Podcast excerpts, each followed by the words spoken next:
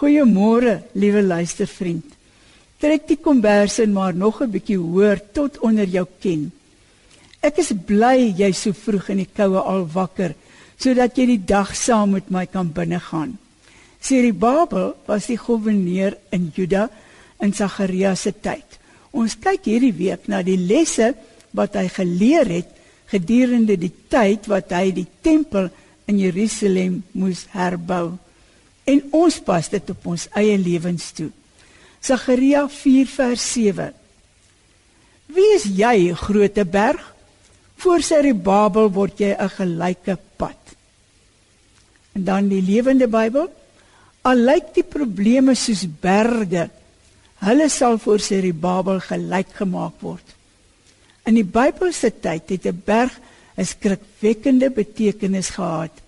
Daarbinne het allerlei onbekende bedreigings geskuil. Kom ons kyk maar na tipiese struikelblokke wat Serubabel gehad het en ons pas dit op ons self toe. Ontoereikendheid. Hy het gevoel hy self nie toereikend nie. Nie goed vir hierdie groot taak nie. Jy weet watter taak soos 'n onbekende, onheilspellende berg voor jou lê en jy voel jy sal nooit die top bereik nie. Dan kom die versekering vir sê Rubabel ook vir jou vermoere. Deur die krag wat hy God self gee, kan onderskatte mense groot dinge tot stand bring. Jy ook. Nog 'n struikelblok is jaloesie.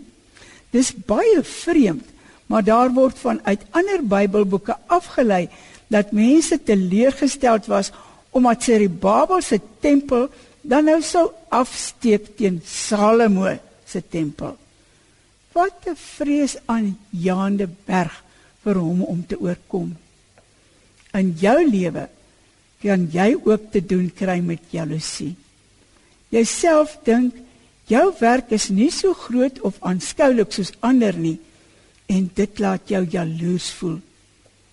Jaloesie kom ook voor in jou werk, jou geloofslewe, in jou kerk, noem maar op.